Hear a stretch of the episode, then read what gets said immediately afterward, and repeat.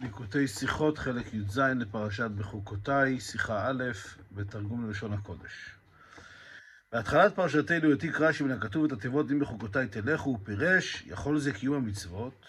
כשהוא אומר ואת מצוותיי תשמורו, הרי קיום המצוות אמור. המה אני מקיים בחוקותיי תלכו, שתהיו המילים בתורה. אם כן, התורה פותחת במילים אם בחוקותיי תלכו ואת מצוותיי תשמורו. אומר רש"י, בחוקותיי תלכו לא יכול להיות קיום המצוות, שהרי כתוב מיד אחר כך ואת מצוותיי תשמורו. אז מה הפירוש אם בחוקותיי תלכו, שתהיו המילים בתורה. מקורו של פירוש רש"י זהו בתורת כהנים.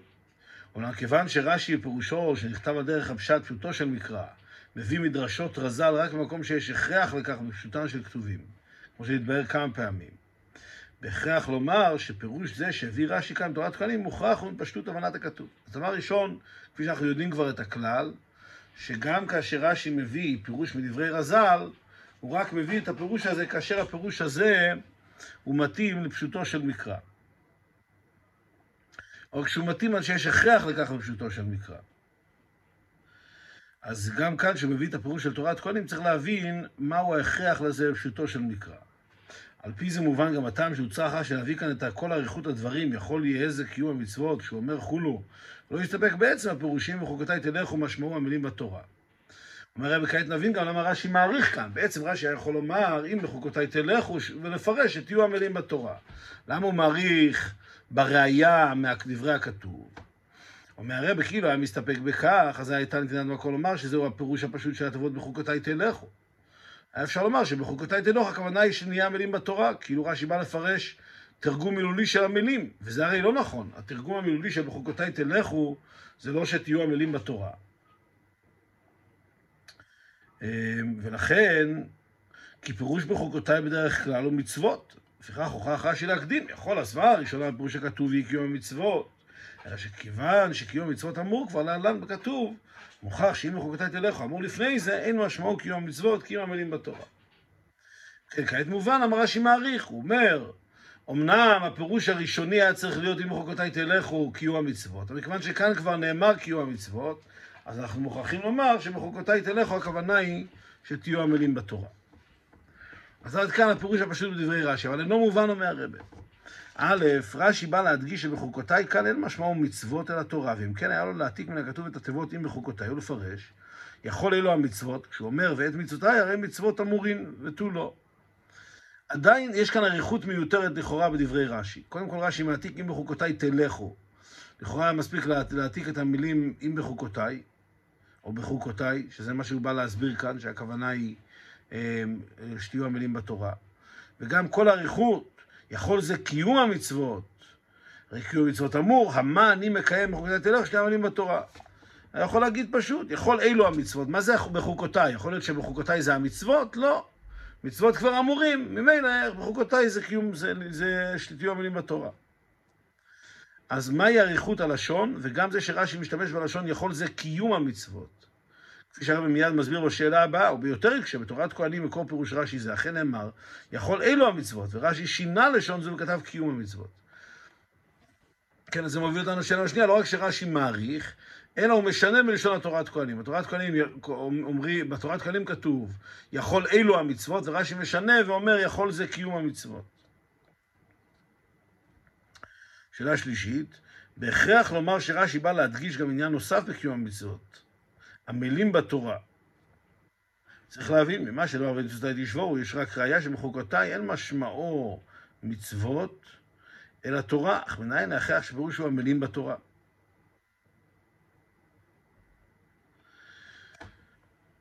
רש"י בא בעצם לומר שזה לא יכול להיות קיום המצוות הרגיל, מכיוון שנאמר כבר, ואת מצוותיי תשמורו. אז מה הפירוש שבחוקותיי תלכו, שתהיו המילים בתורה. אבל שואל הרב, לכאורה, אם רוצים להגיד שבחוקותיי תלכו זה משהו נוסף על קיום המצוות הרגיל, מספיק לומר שתלמדו תורה. לימוד התורה.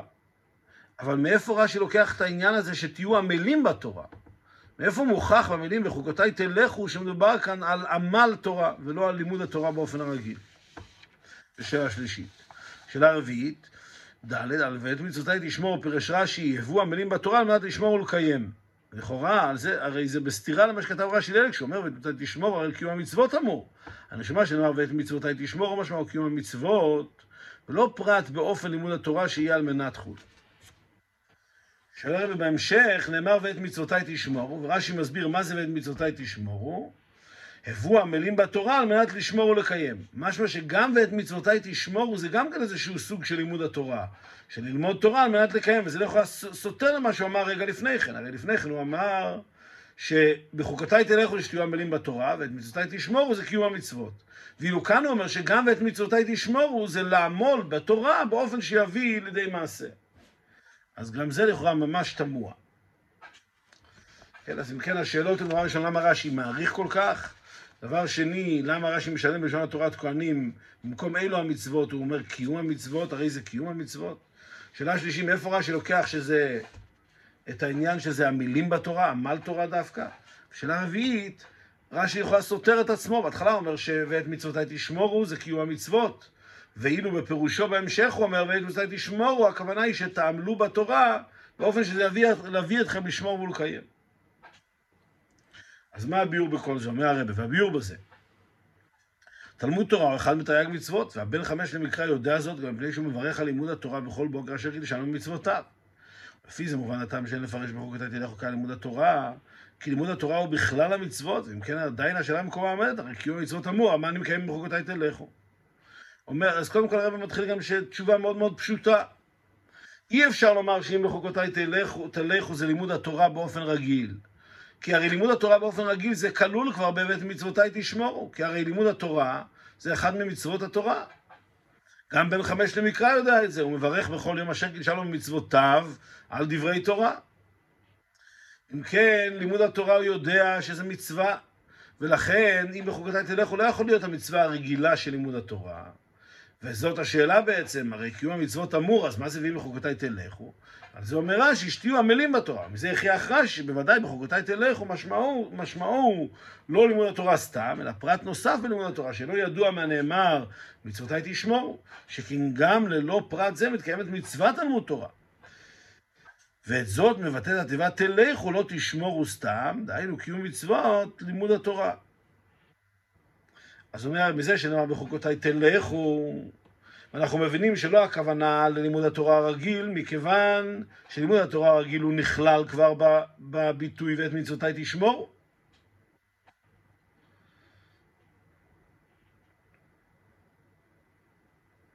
אז השאלה היא מהו הפרט שנוסף כאן, שהוא לא נכלל בלימוד התורה בתור חלק משאר המצוות. ואיזה אופן של הוספה בלימוד התורה יכול להיות שגם בלעדיו אין חיסרון בקיום מצוות תלמוד תורה.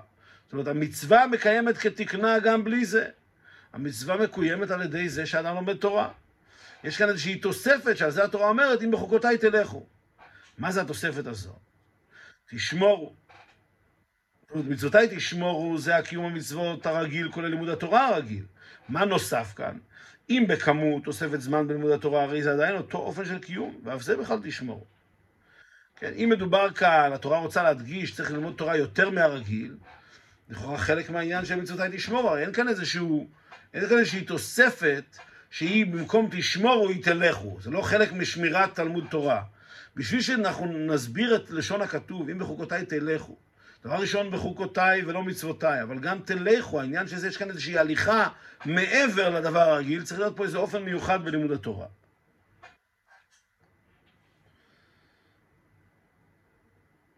ולכן זה לא יכול להיות רק תוספת זמן. כפי שהרב אומר, בדוגמת קיום מצוות והיה לך לאות על ידך, שבין אם הוא לזמן מועט ובין אם לזמן רב, קיום והיה לך עצמו בשווה. כמו שמצוות תפילין, לא משנה כמה זמן הבן אדם מניח את התפילין על, על uh, זרועו ועל ראשו, הוא עדיין מקיים את אותה מצוות תפילין. אז גם כאן, כמה שאדם ילמד, לימוד התורה באופן הרגיל, הוא הכל נכלל בבית מצוותיי תשמור, זה מצוות תלמוד תורה. ועל כן בהכרח לומר שהדגשה, אם בחוקותיי תלכו ולא תשמורו, סתם, היא הוספה באיכות קיום לימוד התורה, עמלים בתורה. ודבר זה לא נכלל מצוותיי תשמורו, מאחר שקיום תשמורו גם על ידי לימוד תורה שלא באופן של עמל. אם כן, מזה למד רש"י, אם בחוקותיי תלכו, מזה שהתורה מדברת על תוספת בלימוד התורה שהוא באופן של תלכו, לא באופן של שמירת המצווה הרגילה, אלא איזושהי הליכה נוספת, מוכרחים לומר שמדובר כאן לימוד התורה באופן מיוחד. מה זה לימוד התורה באופן מיוחד? לא רק בכמות, זה לימוד התורה באופן של עמלים בתורה. אז אם כן מובן. מה שרש"י בא לומר, חייבים לומר שאם בחוקותיי תלכו זה לימוד התורה, מכיוון, זה עמלים בתורה, מכיוון שאילו מדובר בלימוד התורה הרגיל, זה נכלל באמת מצוותיי תשמורו. זה שנאמר בחוקותיי ונאמר תלכו, מזה מובן שמדובר כאן על איזשהו לימוד התורה באופן מיוחד בבינו, וזה הכוונה שתהיו עמלים בתורה. אמנם שואל הרב, אמנם על פי זה יוקשה סדר העניינים בפסוק. כיוון שמצוותיי תשמור כולל קיום מצוות תלמוד תורה באופן של לימוד סתם, למיגרס, היה הדבר צריך להיכתב בראש הפסוק. לפני בחוקותיי תלכו, שכן כך הוא סדר הלימוד בפשטות. תחילה צריך ללמוד, להיות הלימוד למיגרס, ורק לאחר מכן יכול לבוא העמל בתורה, הלימוד בעיון. שהרי אפשר להתחיל מיד ללימוד בהעמקה ועיון ללא הקדמת הלימוד באופן של מיגרס. אם כן, למה נאמר תחילה בחוקותיי תלכו, רק אחרי מצוותיי תשמורו? אומר הרב, כאן מתעוררת שאלה חדשה. אם באמת הכוונה היא שבחוקותיי תלכו זה איזשהו אופן מיוחד בלימוד התורה, שתהיו עמלים בתורה, ואילו לימוד התורה הרגיל זה נכלל בבית מצוותיי תשמורו. נשאלת השאלה למה הסדר כאן הפוך. קודם נאמר אם בחוקותיי תלכו, ואחר כך בית מצוותיי תשמורו. הרי כך לא צריך להיות הסדר. בדרך כלל קודם אדם צריך ללמוד בפשטות, לקיים את המצוות וללמוד בצורה הכי בסיסית. מה שנקרא למיגרס, להבין ולצבור ידע, אפילו אם הוא לא לומד בעיון, אפילו אם הוא לא עמל. ואחר כך מגיע השלב של העמל בתורה, שאדם באמת מתאמץ להבין את כל הדברים לאשורם ולבוריים. אז אם כן, נשאלת השאלה, למה אם מכיוון שבחוקותיי תלכו הכוונה היא לימוד התורה באופן נעלה במיוחד, אז למה זה נאמר לפני ואת מצוותיי תשמור? היה צריך להיות קודם כתוב ואת מצוותיי תשמור, שמדבר על קיום המצוות הרגיל, כולל לימוד התורה באופן הרגיל, ואחר כך בחוקותיי תלכו, שזה אופן נעלה יותר בלימוד התורה. כן, אז זה, זו השאלה. מוסיף הרב, ובישלמה לא נקטנו שפירוש בחוקותיי תלכו לימוד התורה סתם, ואילו מצוותיי תשמור היינו מעשה המצוות. היה מובן הטעם לכך שבחוקותיי תלכו נאמר תחילה לפני ואת מצוותיי תשמור. שהרי תלמוד דווקא מביא לידי מעשה. כמובן בפשטות, כדי לדע את המעשה אשר יעשון ואת אופן העשייה צריך ללמוד תחילה. אילו היה מדובר על לימוד התורה הרגיל, אז מובן שהיה צריך להיות כתוב קודם לימוד התורה ואחר כך קיום המצוות. מכיוון שגדול תלמוד שמביא לידי מעשה, הלימוד הוא זה שמביא לידי מעשה, צריך ללמוד ולדעת את ההלכות, לאחר מכן אפשר לקיים אותם כפי שצריך.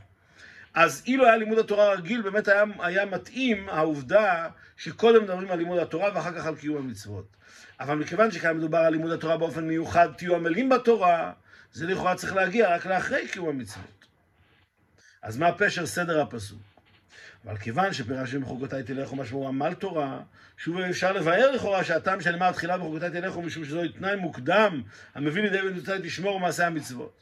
כן, שוב פעם חוזרת השאלה, מדובר פה על לימוד מיוחד, אז לא צריך את זה, הלימוד הזה לא צריך להיות קודם לקיום המצוות וללימוד התורה הרגיל, כי כדי לדע את המעשה אשר יעשו לנכח דווקא בלימוד באופן של עמל תורה, על מנת לדעת את הדין הלכה למעשה, מספיק ללמוד למיגרס בספרי הלכה וכו'. כן, אם אדם רוצה לדעת איך להתנהג, שילמד את התורה למיגרס, שיבין פשוט את ההלכות, לא חייבים להת...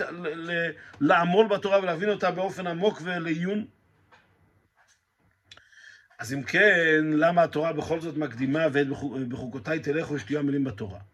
ומזה גוף ההכרח רש"י, שזהו פרט בקיום המילים בתורה, אלו שלא זו בלבד שהלימוד למיגרס צריך להיות מתוך כוונה לשמור ולקיים, אלא שגם קיום המילים בתורה צריך להיות על מנת לשמור ולקיים.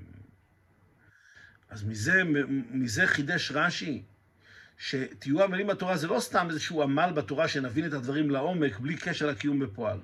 אלא שהמילים בתורה זה כזה סוג של עמל שהוא גם כן מביא לידי מעשה. ולכן צריך קודם כל להיות המילים בתורה ואז ואת מצוותיי תשמורו. מדובר כאן על איזשהו סוג מיוחד של לימוד שמביא את האדם לקיום המצוות באופן יותר שלם. ועל כך הביא רש"י ראיה, כמו שנאמר, ולמדתם אותם ושמר... ולמדתם אותם ושמרתם לעשותם. כלומר, שלימוד התורה בלי חילוק באופן הלימוד כולל גם המילים בתורה, צריך להיות על מנת לשמור ולקיים. זאת אומרת, גם הלימוד, כאשר אדם לומד לעומק העניינים, והוא מנסה באמת לעמול ולהבין את הדברים אה, בצורה הכי עמוקה שיש, למרות זאת הכל צריך להיות מתוך כוונה שזה יהיה על מנת לשמור ולקיים. ולכן התורה מדגישה, אם בחוקותיי תלכו שתהיו עמלים בתורה, אבל כל זה למה? כל זה לשם מה? בשביל שיהיה ואת מצוותיי תשמורו. כמובן, למה גם כשמדברים על עמלים בתורה, התורה מקדימה את העניין של בחוקותיי תלכו למצוותיי תשמורו. שלמדנו הוראה חשובה ונפלאה, שלימוד התורה בכל אופן שיהיה, גם באופן הכי עמוק והכי נעלה, תמיד צריך להיות מחובר לעניין המעשה בפועל, תמיד צריך להביא לידי מעשה. לפי זה מובן שדברי רש"י יבואו המילים בתורה חולו בנוגע למצוותיי תשמורו, אינם בסתירה לדבריו לפני כן שמצוותיי תשמורו משמעו קיום המצוות. כי פירושו של רש"י כאן הוא לא על בית מצוותיי תשמורו, כי על בחוקותיי תלכו. תחילה ביאר רש"י פירוש התיבות עצמן, שמשמען שתהיו המילים בתורה. ולאחרי זה ביאר הטעם לכך שנאמרו לפני ואת מצוותיי תשמורו, לפי שקיום המילים בתורה צריך להיות על מנת לשמור ולקיים. אם כן, כעת יובן למה רש"י, תרצנו גם את השאלה האחרונה. למה רש"י לא סותר את עצמו. בהתחלה הוא אומר את מצוותיי תשמורו זה קיום המצוות, ואחר כך הוא אומר ואת מצוותיי תשמורו, הכוונה היא שתהיו המילים בתורה על מנת, אה, על מנת לשמור ולקיים. אומר הרב, רש"י לא בא להסביר כאן את המילים ואת מצוותיי תשמורו. ודאי שאת מצוותיי תשמורו, הכוונה היא קיום המצוות. מה רש"י בא לומר כשהוא מפרש ואת מצוותיי תשמורו, שתהיו המילים על מנת לשמור ולקיים? רש"י בא לומר שגם לימוד התורה באופן של עמל, גם צריך להיות על מנת לשמור ולקיים. הוא בעצם בא להסביר את המילים בחוקותיי תלכו. כלומר, יש לנו שני פירושים על המילים בחוקותיי תלכו. קודם כל, את הפירוש המילולי. מה, מה התורה באה להגיד לנו? מה זה בחוקותיי תלכו? שתהיו המילים בתורה. ואחר כך את סדר הכתובים, למה כתוב קודם בחוקותיי תלכו ואחר כך ואת מצוותיי תשמורו? לכאורה צריך להיות הפוך. והתשובה היא שלימוד התורה צריך להיות באופן כזה שהוא מביא על מנת לשמור ולקיים.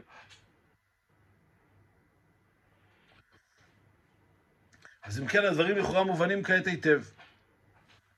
אבל עדיין שואל הרב, אמנם עדיין צריך להבין, מלשון רש"י יכול זה קיום המצוות, מוכח שבפשטות היה לנו לפרש שבחוקותיי תלכו משמעו קיום המצוות.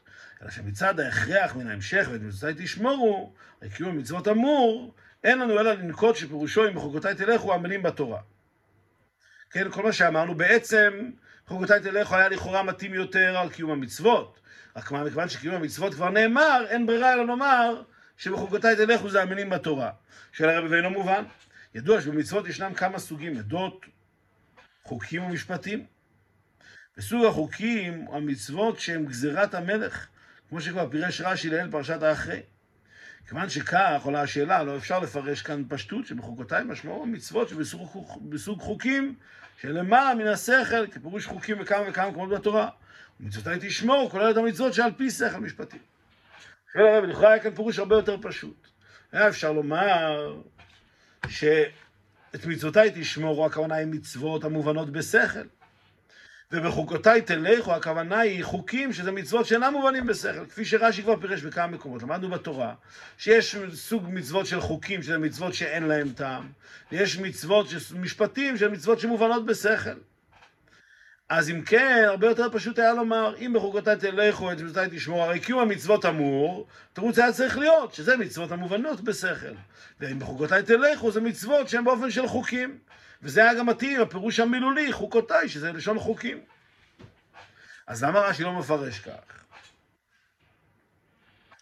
אומר הרב, בפשטות יש לדחות זאת. אילו הייתה הכוונה במצוותיי רק לסוג אחד של מצוות, משפטים, לא היה כתוב נוקט בלשון מצוותיי. שם כולל לכל המצוות, אבל בלשון משפטיי. כמו שמצינו בפסוק על החוקים והמשפטים והתורות.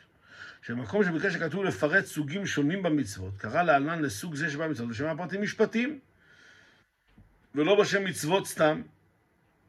ואם כן, מאחר שכתוב דן הקהל בלשון מצוותיי, מוכרח שכוונתו לכל המצוות.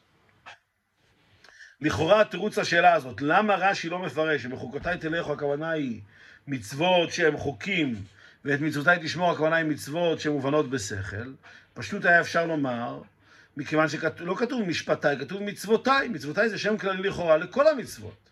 אז למצוותיי תשמורו זה כולל כבר גם את המצוות של חוקים.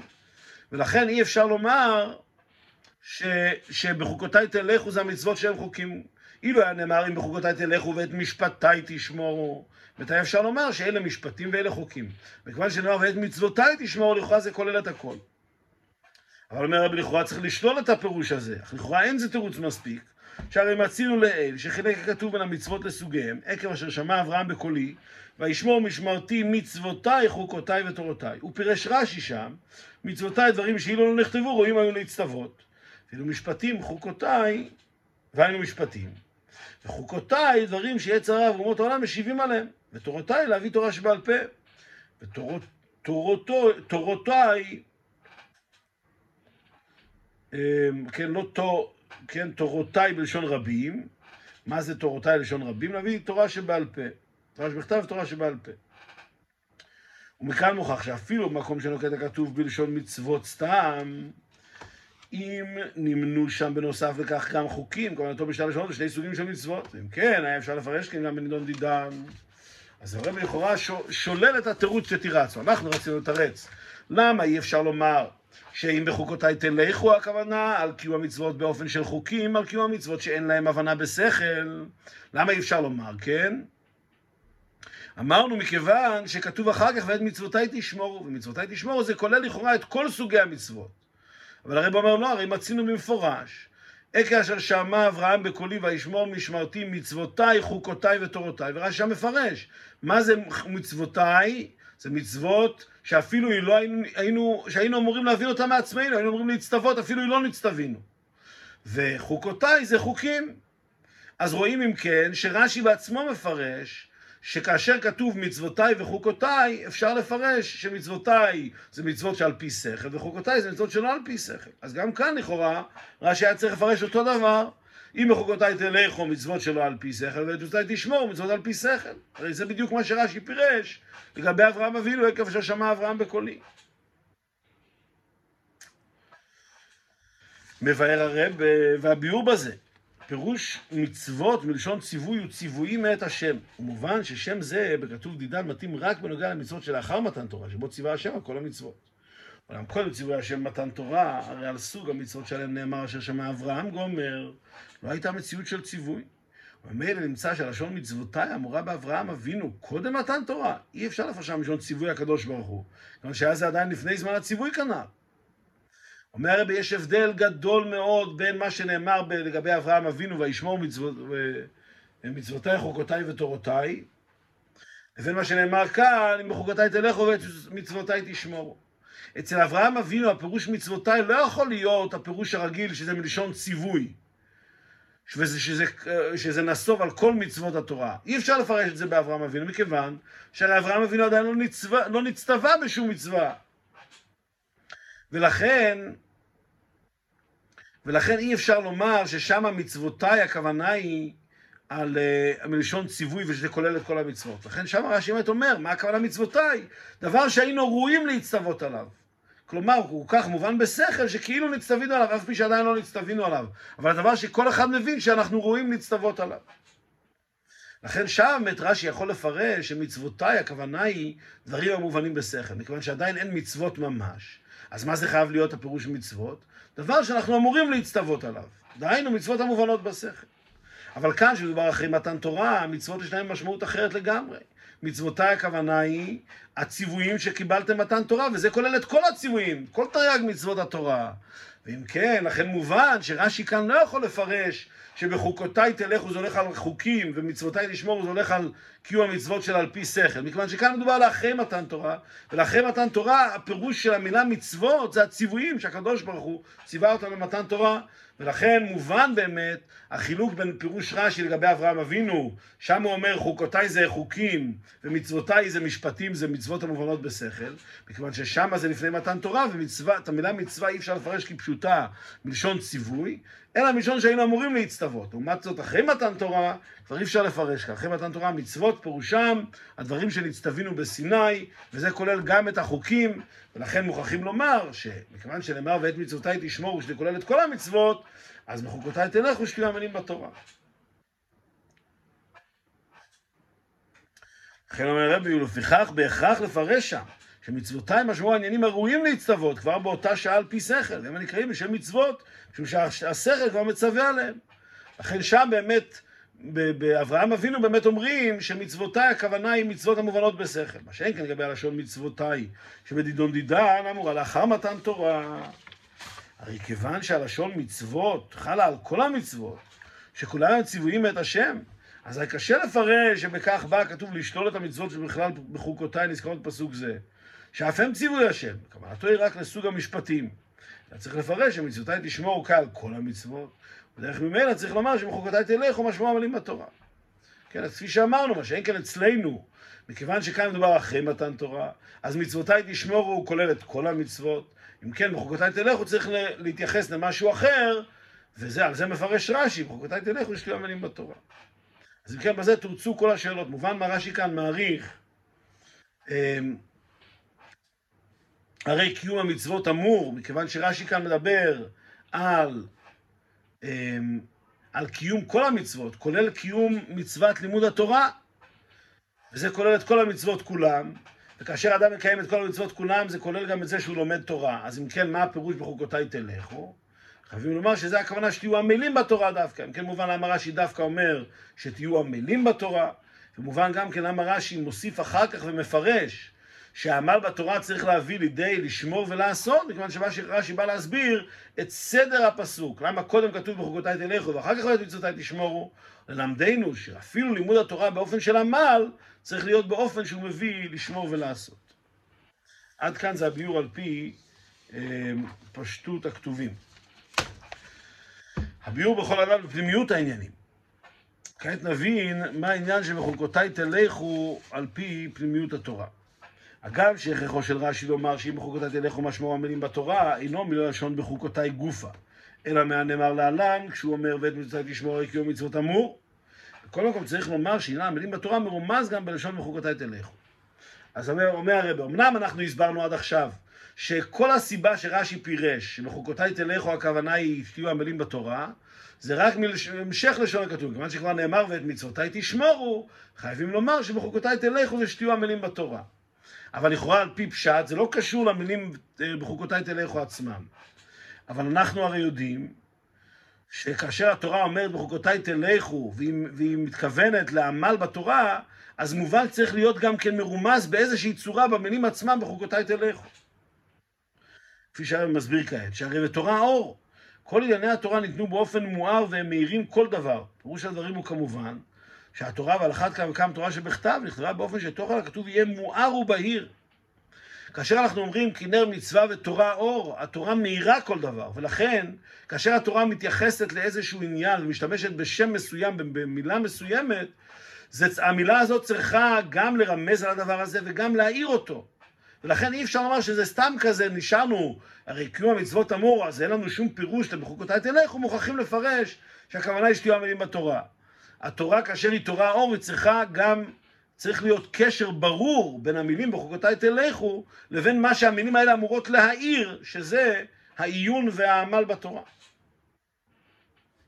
ולכן התיבה ללכת בחוקותיי לא הייתה אמורה כלל על התורה, כי אם על המצוות, אז במקום, במקום הלשון בחוקותיי, היה כתוב אומר בתורותיי.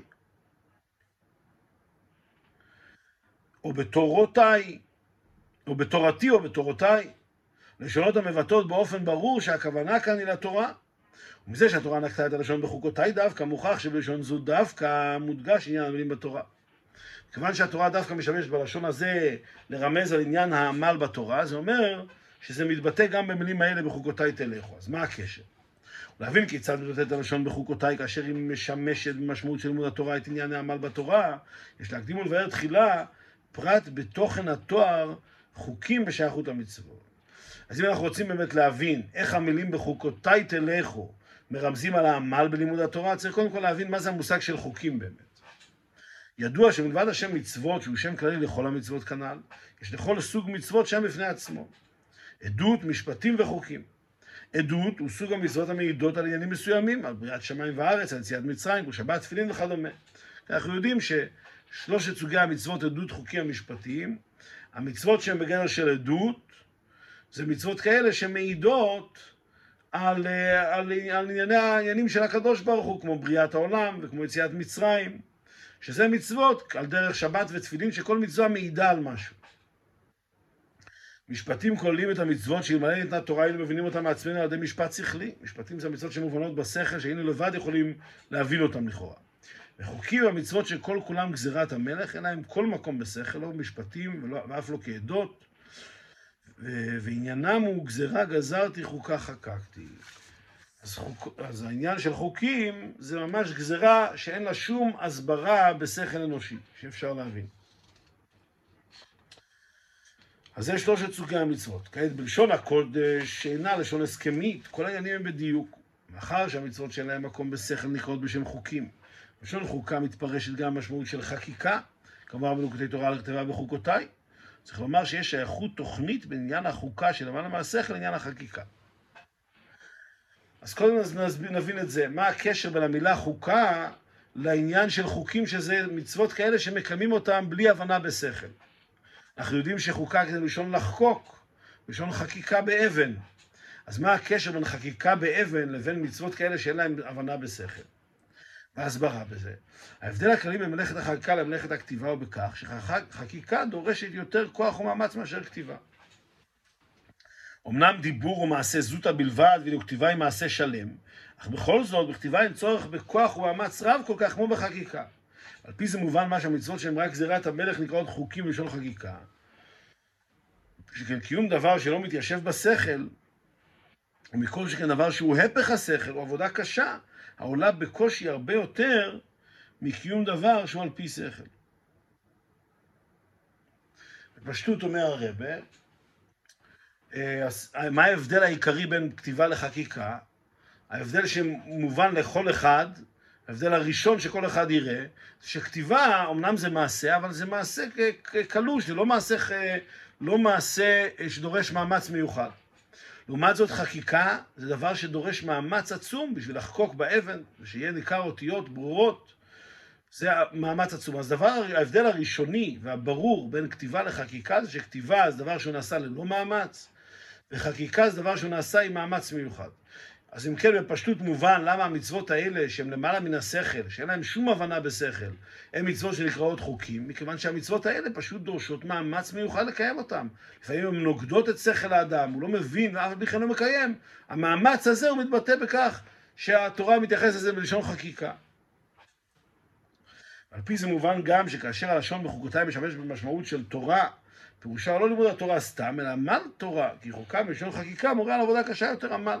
אז הנה כבר הבנו את הקשר בין אה, בחוקותיי תלכו לתהיו עמלים בתורה, והוא כשם שבמצוות, המצוות שאין להן היגיון הן המצוות שנקראות חוקים, מכיוון שהן דורשות מאמץ כמו חקיקה באבן, גם לימוד התורה, לימוד התורה באופן שלא דורש כל כך הרבה מאמץ, זה נקרא לימוד התורה, ואילו לימוד התורה באופן שדורש מאמץ מיוחד, זה נקרא מלשון חקיקה, כי האדם פה מתאמץ כמו האדם שחוקק באבן. ונוסף לזה מוסיף הרב ואומר, וכאשר אדם לומד תורה מתוך עמל והגיעה בעבודה הקשה של חקיקה, הדבר פועל חקיקה בלב, בלב לומד התורה. שאפילו אם ליבו כלב האבן, הנה, אם הוא עמל ומתייגע בתורה, נחקק לב האבן שבו ונשחק על ידי העמל בתורה, אבנים שחקו המים. אומר הרב שעוד נקודה כאן, לא זו בלבד שלימוד התורה באופן של עמל הוא דומה לחקיקה מכיוון שהוא דורש מאמץ, אבל גם על ידי לימוד התורה באופן של חקיקה, אכן דברי התורה חוקקים בלב האדם, כפי שחז"ל אומרים לנו ביחס לרבי עקיבא וכולי, שדברי התורה יכולים, גם בלב האבן יכולים להיכנס ו- וכביכול לשבור את אותו לב האבן ולחקוק בתוכו. אז כאשר לימוד התורה הוא באופן של עמל, זה נחקק באמת. אז יש לנו כבר שני הסברים למה אה, בחוקותיי תלכו מרמז על, על עמל בתורה דווקא. דבר ראשון, שזה דבר שדורש מאמץ, כמו החקיקה באבן. דבר שני, שזה אכן חוקק את הדברים אה, בלב האדם. מוסיף הרי, בכל העניינים שבתורה מכוונים ומדויקים ובתכלית. כיוון שעמל תורה נקרא בשם חוקה, שהיא הלשון המשמשת משמעות של מצוות של למעלה מהשכל, הרי זה גוף ההוכחה שהטעם לכך שעמל תורה נקרא חוקה, הוא לא רק מצד היותו עבודה קשה כנ"ל, אלא גם מצד הקשר של עמל תורה עם מה שלמעלה מן השכל. עכשיו אומר הרב בפרט שלישי. לא זו בלבד שעמל תורה הוא דומה לחקיקה בכך שהוא דורש מאמץ, והוא דומה לחקיקה בכך שזה נחקקים בלב האדם. אלא פרט שלישי הוא גם דומה לחוקים שהם למעלה מן השכל. הרי אמרנו שהחוקים שהם למעלה מן השכל, דווקא אלה נקראו, המצוות שהם למעלה מן השכל, דווקא הם נקראו בשם חוקים. אז העמל בתורה, שזה גם נקרא, אם בחוקותיי תלכו שתהיו עמלים בתורה, הוא חייב להיות קשור לעניין הזה של מצוות שלמעלה מן השכל. לכאורה מה הקשר? זה לכאורה הפוך. עמלים בתורה הכוונה היא שאדם יבין בשכלו את הדברים עד לעומקם. ואילו חוקים זה דברים שהם למעלה משכל האדם. אז מה הקשר בין הדברים? מבאר הרב, אף על פי שלימוד התורה שבעל פה מוכרח להיות בהבנה והשגה דווקא, ומי שאינו מבין מה שלומד, אינו מברך על לימוד זה ברכת התורה. כן, לכאורה כל העניין של לימוד תורה בכלל הוא צריך להיות דווקא בהבנה והשגה, בפרט כאשר אדם עמל בתורה. בכל מקום, העמל בתורה קשור אל מה שלמעלה מן השכל, ואדרבה, דווקא בעניין בחוקותיי שלמעלה מן השכל, מתבטא העמלים בתורה. אומר הרב למרות זאת, דווקא כאשר אדם עמל בתורה, וככל שהוא עמל יותר בתורה, הוא דווקא מתחבר לכך שהתורה היא למעלה מן השכל. איך? אומר הרב זאת בשתי עניינים. א', העמל בתורה צריך להיות יותר ממה שמתחייב בשכלו. כאשר הוא לומד רק עד כמה שנדרש על פי שכל, אין הדבר נחשב עמל לאמיתו. אומר הרב, דבר ראשון, מה פירוש עמל?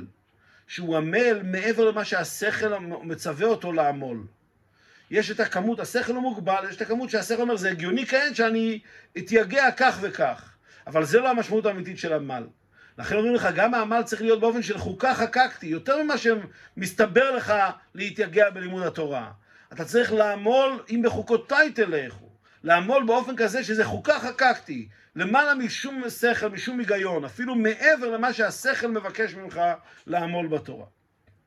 ונוסף לזה, העמל בתורה מביאו להנחה והשגה, שגם העניינים שהוא מבין בשכלו, לאמיתו של דבר למעלה מהשגה. ככל שאדם מתייגע באמת בתורה בצורה אמיתית, הוא רואה ומבין שהתורה היא בעצם למעלה מהשכל שלו. ככל שהוא מבין יותר, הוא רואה עד כמה הוא לא מבין. אז אם כן, עכשיו התווספו לנו עוד שני עניינים בקשר בין העמל בתורה לבין אה, העניין של בחוקותיי. קודם כל שהיגיעה עצמה צריכה להיות יותר ממגבלות השכל, באופן של חוקה חקקתי, וגם שככל שאדם עמל יותר, אז הוא יותר יכול להרגיש שבאמת התורה היא למעלה משכלו.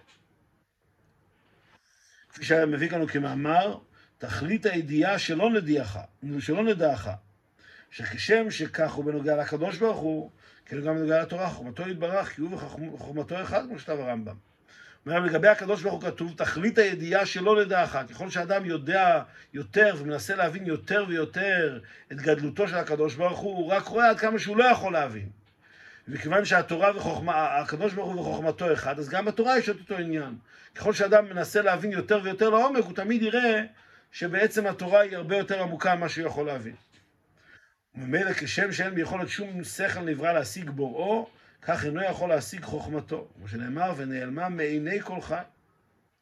כן, כפי שהרב מביא, פסוק מפורש, ונעלמה מעיני כל חי, זאת אומרת, אפילו אדם שמתייגע ומנסה להבין הכל עד לעומק, לעולם לא יבין, לא יבין את זה לגמרי.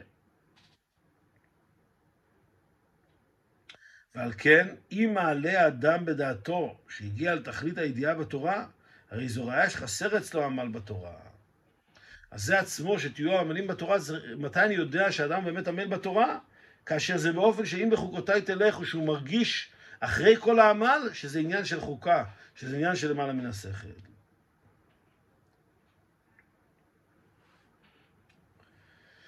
כמאמר כבוד קדושת מורי וחמי אדמו"ר, שגם העניינים המושגים הרי הם כמו החוקים, ועל פי זה יומתג מה שנאמר על לימוד התורה, הלשון בחוקותיי תלך, אף על פי שהכוונה כאן ללימוד כל עניין שבתורה, לא רק ללימוד חוקים, אלא אף ללימוד עדות, עדות ומשפטים, כי על ידי העמל בתורה מגיע אדם אל ההכרה שגם המשפטים חוקים מהם. אז אם כן מובן עוד סיבה למה העניין הזה של העמל בתורה מרומז דווקא בלשון בחוקותיי תלכו, מכיוון שלימוד התורה צריך להיות באופן כזה שהאדם מרגיש שזה חוקים, שזה למעלה מן השכל שלו, כפי שהרבי הקודם אמר, שגם המצוות הכי מושגות, יהודי צריך להתייחס אליהן כמו חוקים, שזה למעלה מן השכל. ולכן אף על פי שלומדים את כל סוגי המצוות שבתורה, אבל כל הסוגים האלה, כשעמלים בתורה באופן אמיתי, כל סוגי המצוות הופכים להיות באופן של חוקים שמורגש בהם שהם למעלה משכל האדם.